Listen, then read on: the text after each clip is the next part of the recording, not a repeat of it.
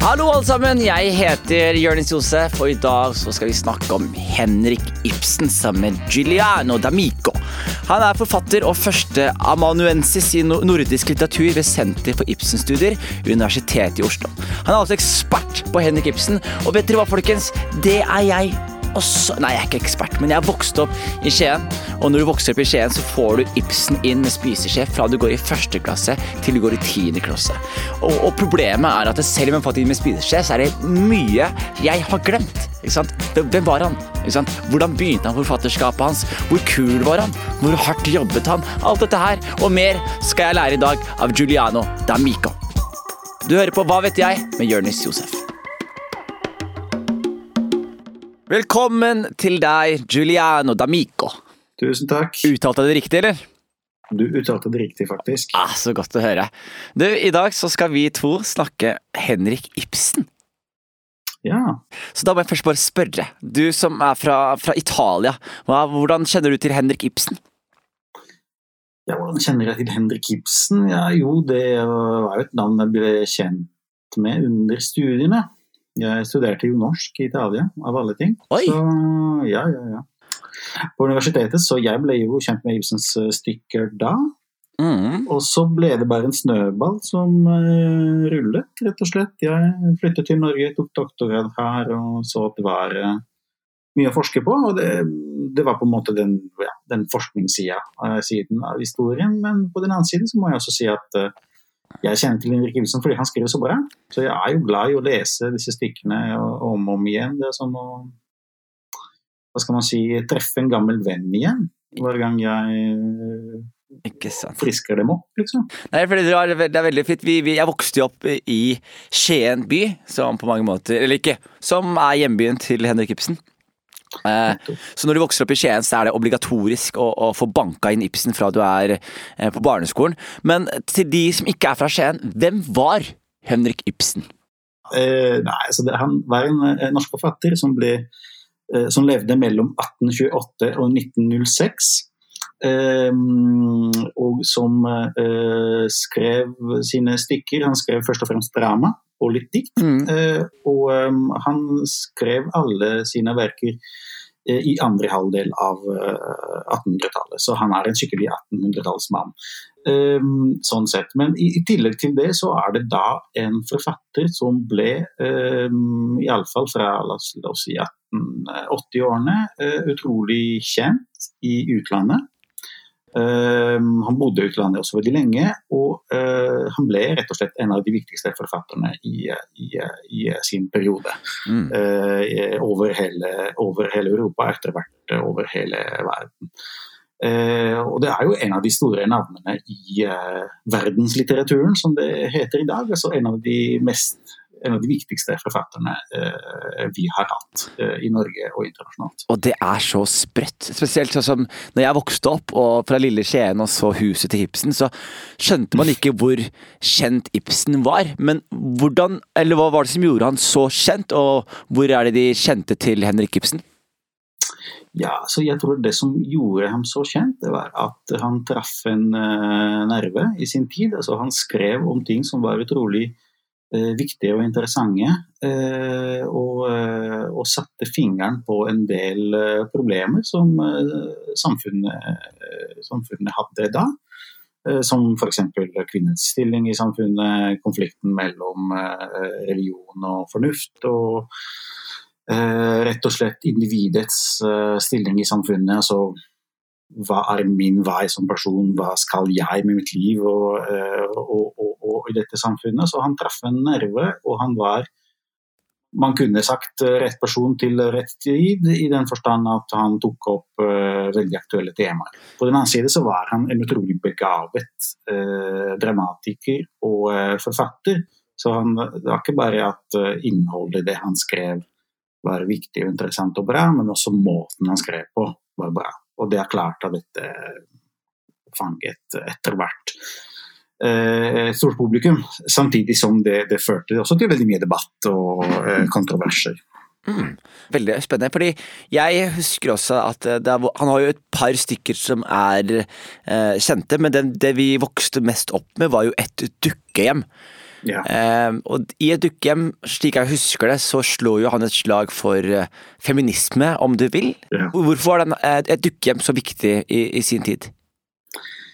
Jo, altså Det er jo flere grunner for det. Det, det, det mest opplagte som du, som du, nevner, er jo da at han eh, altså De aller fleste vet at stykket handler da om en uh, ung uh, gift dame, Nora, som uh, etter mange år med et lykkelig ekteskap velger å forlate mann og barn og, og, og, måtte sette seg på um, forsøke å finne seg selv som, som, som menneske, uh, sier hun da i, i, i slutten. Mm. Um, I sin tid var det viktig fordi den rett og slett eh, avslørte den eh, dobbeltmoralen eh, som omringet det, det borgerlige ekteskapet, og eh, kvinnenes stilling, som var jo da undertrykt mannen. Så om vi kan diskutere om vi kan kalle det feminisme eller et slag for eh, kvinnefrigjøring. Mm. Det er ikke så viktig akkurat i denne sammenhengen, men eh, det var jo først og fremst det da eh, han det var derfor altså, at, at, man våget å, å, oppfordre dette hva skal man si, patriarkalske samfunnet, altså dette samfunnet der mannen undertrykte kvinnen, mm. rett og slett. At kvinnen var underleget mannen. Men stykket handler om også mye mer enn det, eh, som også har gjort at stykket fortsatt blir spilt i dag og, eh, og har sett og lest. Og En annen ting jeg lurer på da med Henrik Ibsen, at han skriver jo eh, teaterstykker. Eh, ja. Hvorfor eh, skrev han ikke bøker, hvis han var en så eh, dyktig forfatter? Altså romaner, Bønder. Ja, romaner og ja, ja. Mm. ja, det er et veldig godt spørsmål, og det har jeg ikke jeg har ikke et veldig godt svar på det. Eh, men det jeg kan si, det er jo da altså i, dag så er vi vant til at eh, romanen er jo da hva skal man si, Hvis du leser en bok, så leser du høyst sannsynlig en roman. Uh, hvis du er forfatter, så skriver du hvis du er forfatter, så skriver du mest sannsynlig på romaner. Uh, men i midten av 1800-tallet så var det ikke det uh, så vanlig, iallfall i Norge. det er noen forskere som det er selvfølgelig de, de lærde strides om dette som alltid, men, men, men man kan jo si at den norske romanen, romanen begynner å utvikle seg i midten av 1800-tallet, altså mens uh, da Ibsen begynte da, uh, som forfatter. Mens teater hadde jo da uh, en, en, større tradisjon på den ene siden, og på den andre siden så var det et offentlig arena. Det fantes ikke TV, det fantes ikke internett, film på den tida. Så teater var jo da man hadde mulighet til å få et publikum, rett og slett. Og Ibsen var jo eh, teatermann. Han gjorde the dirty job eh, både i Bergen Oslo og lærte å bli en teatermann. Eh, og med The Dirty Job så mener jeg da at han var ansvarlig for produksjoner, han var ansvarlig noen ganger også for å skrive tekster. De tidlige stykkene han skrev var jo tenkt for å bli satt opp på de teatrene han var ansvarlig for i Bergen og Oslo. Men det som er fint, da, det er jo da at han altså det er gøy å se for oss forskere, fordi at eh, du ser hvor nøye han var med teknikken. Han lærte å skrive teater uh, gjennom de årene der. Altså sett den skuespilleren der, få han til å si det. Um, scenografien, altså hvordan det skal se ut, hvordan skuespillerne skal snakke. Altså det, det, er den type sånn inside job som du blir kjent med. Og, og, som, og, som du, han og, det er ikke slik at i Bergen og Oslo han bare satte opp uh, Ibsen og ultraalvorlige greier. Han satte opp masse komedier, for det var det som gjaldt. ikke sant? Altså, folk gikk på teatret nettopp fordi det ikke var kino og TV. For, folk gikk på teatret for, for, for, for, å kose seg. Vent litt, sa du Ibsen lagde komedier? Ja, ja. Altså, han, altså, han laget de komedier. Altså, eller, vi kan komme tilbake til det med komedier, men, men han satt satte opp veldig mye fransk teater, f.eks. i Bergen og Oslo. Ja. Det er jo ting som han ikke hadde skrevet, selvfølgelig, men det er jo ting som folk hadde lyst til å se.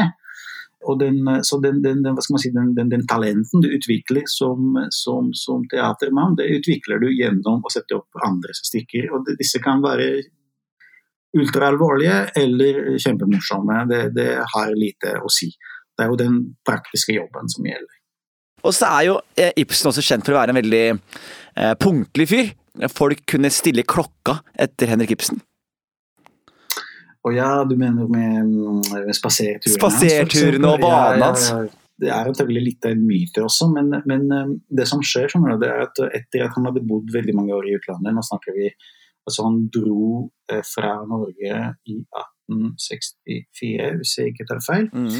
Eh, og ble boende i utlandet fram til 1891, så han bodde veldig lenge i utlandet. Men da han kom tilbake til Kristiania, så Oslo, i 1891, så var han en superstar. Eh, det var jo de årene der han klarte å bli kjent eh, både i utlandet og, og, og i Norge. Så um, han kjøpte da sine, en leilighet i nærheten av Slottet, og så den kjente leiligheten. Han flytta etter hvert til den kjente leiligheten i Nærbys gate, som nå huser Ibsen-museet. Uh, og han var jo da Han hadde en veldig sånn klar rutine med at han jobbet en del på formiddagen, og så tok han spaserturen til, til Grand Café på Karl Johan. og jeg vet ikke om han gjorde det akkurat hver dag, men han gjorde det veldig ofte. Og så var det en slags uh, vane med uh, å uh, vente på Ibsen, se på Ibsen og ta snikbilder av ham. De, noen av de aller første paparazzi-bilder i Norge ble, ble, jo tatt med en liten kamera i en, altså i en sånn i en frakk, eh, nettopp av Henrik Ibsen. det er spennende, det er kul fun fact. Uh, men det er en annen fun fact, apropos Ibsens punktlighet. Uh, men nå skal jeg stille deg et spørsmål. Ja. Uh, Ibsens stykke, altså, La oss si at fra begynnelsen av 1880-tallet så skrev Ibsen, altså kom Ibsens stykker i bokform, mm. og rett etter uh, ble det spilt på teater. Nøyaktig annethvert år. La oss si slutten av november, begynnelsen av desember. Kan du fortelle meg hvorfor? Julegaver, eller? Nettopp. Nei, han var tidlig ute på det promogreiet, han der Henrik Ibsen. det er nettopp det. Altså, det er jo det, er det som er utrolig interessant. Altså, han var jo veldig sånn um, Hvis du leser også brevene hans, han var jo alltid nøye på å få betalt det han skulle få betalt. Og, Gøy! Og, og han, det visste jeg ikke! Ja, ja, ja, Lille Gunuk. Ja, ja, ja. Og han hadde et øye på markedet, da. Han tålte et øye på markedet, så det er klart hvis du skal gi ut en bok, og det skal ha et marked, et marked så må den gis ut uh, i slutten av november uh, pga. julemarkedet. Det er klart at kanskje du klarer ikke å ha den en, altså et stykke hvert år, men da ble det annethvert år. ikke sant? Og så gikk, Du ser at økonomien hans går opp og ned i, i, i forhold til uh, om han har gitt ut et nytt stykke eller ikke akkurat det året. Så spennende! Det visste jeg virkelig ikke. Mm. og, og, og hvorfor tror du at stykkene hans fortsatt settes opp i dag? Um, det er kanskje det aller viktigste ved Ibsen, som vi ikke har snakket om. Det er jo at uh, han, klar, han er en mester i å skildre mennesker.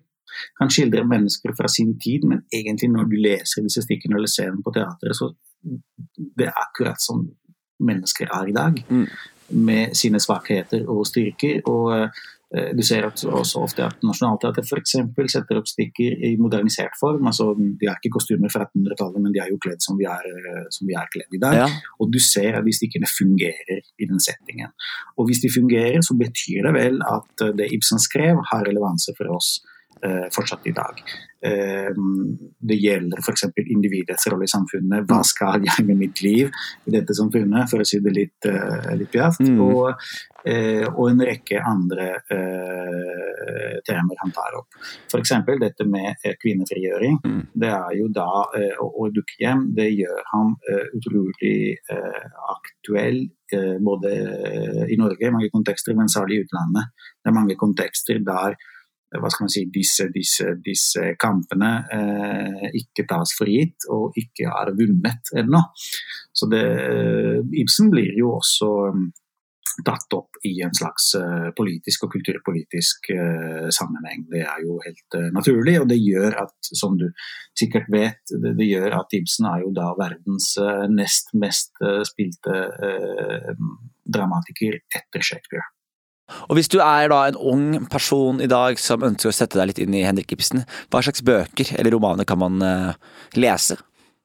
Altså, Romaner kan du ikke lese fordi han ikke skrev romaner, men, eh, men eh, det jeg kan si altså Det første jeg ville sagt, da, det er jo hvis du syntes Ibsen var kjedelig, eh, glem det. Og, og, prøv å gå tilbake til eh, en tekst, sett deg ned og prøv å lese. Se, se hva som står der. Eh, og jeg ville sagt begynn gjerne med dukkehjem. Det er et uh, kortstykke, utrolig bra skrevet. Det er så bra skrevet at du ikke kan flytte på et ord, nesten. Uh, og det handler ikke bare om kvinnefrigjøring. Uh, det handler også om som sagt, individets rolle i samfunnet. Hva er min rolle her? Hva skal, hva skal jeg som menneske? hva er mine svakheter og styrker? Det, og det er jo selvfølgelig spørsmål som er høyst aktuelle fortsatt i dag. Det, så det er en måte å starte på. Um, en, hvis du vil fortsette, så fortsetter du gjerne med gjengangere, som også er et uh, kort stykke som uh, går inn i mange Hva skal man si Har en driver en skikkelig kritikk av samfunnet rundt oss. Jeg tenker at Som kan appellere uh, mange ungdommer, fordi det nettopp peker finger, altså peker på ting som ikke går, uh, som man kunne kanskje hevde fortsatt er Eh, er høyst aktuelle i, i dag. Og, og, så er det en, eh, kanskje en annerledes anbefaling. Hvis du blir gira på det, prøv med et stykke som er et av de tidlige stykkene hans, som heter 'Hermennene på Helgeland' fra 1858. så Han er veldig gammel. og Det er et vikingstykke, da, satt i vikingtida. Men ikke tenk at det er for gamle greier, for du ser at problemene og, eh, og, situasjonene disse vikingene eh, befinner seg i, det er jo da situasjoner som vi kan relatere oss med. Vi kan bli forbannet på disse vikingene som ikke klarer å sette sitt liv på stell, eller heie på dem fordi de, er, De, de, de, de forelsker seg. De er snille og snemme med hverandre. Så det var for meg også en skikkelig eye-opener da jeg leste den. Så for å oppsummere, et uke igjen, gjengangere og hermene på Helgeland. Hvis du blir hekta på det, les hele resten. Oh. Juliana, da vil jeg gjerne oppsummere litt om eh, Henrik Ibsen og det jeg har eh, lært her nå. Ja. Han var eh, ikke en kjedelig person, er en veldig driftig person som var opptatt av teater. Innledningsvis satte han opp andres teaterstykker, før han etter hvert satte opp sine egne. Var en kontroversiell person som prøvde å ta temperaturen på, på sin tid.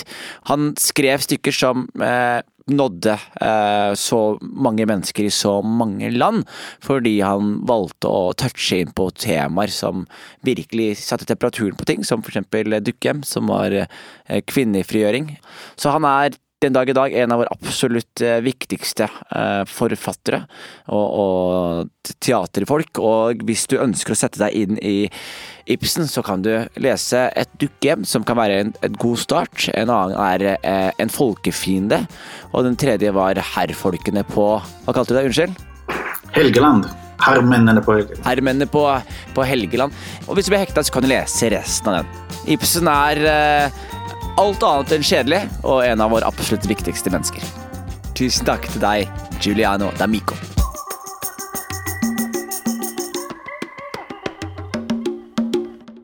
Produsert av både og for en del av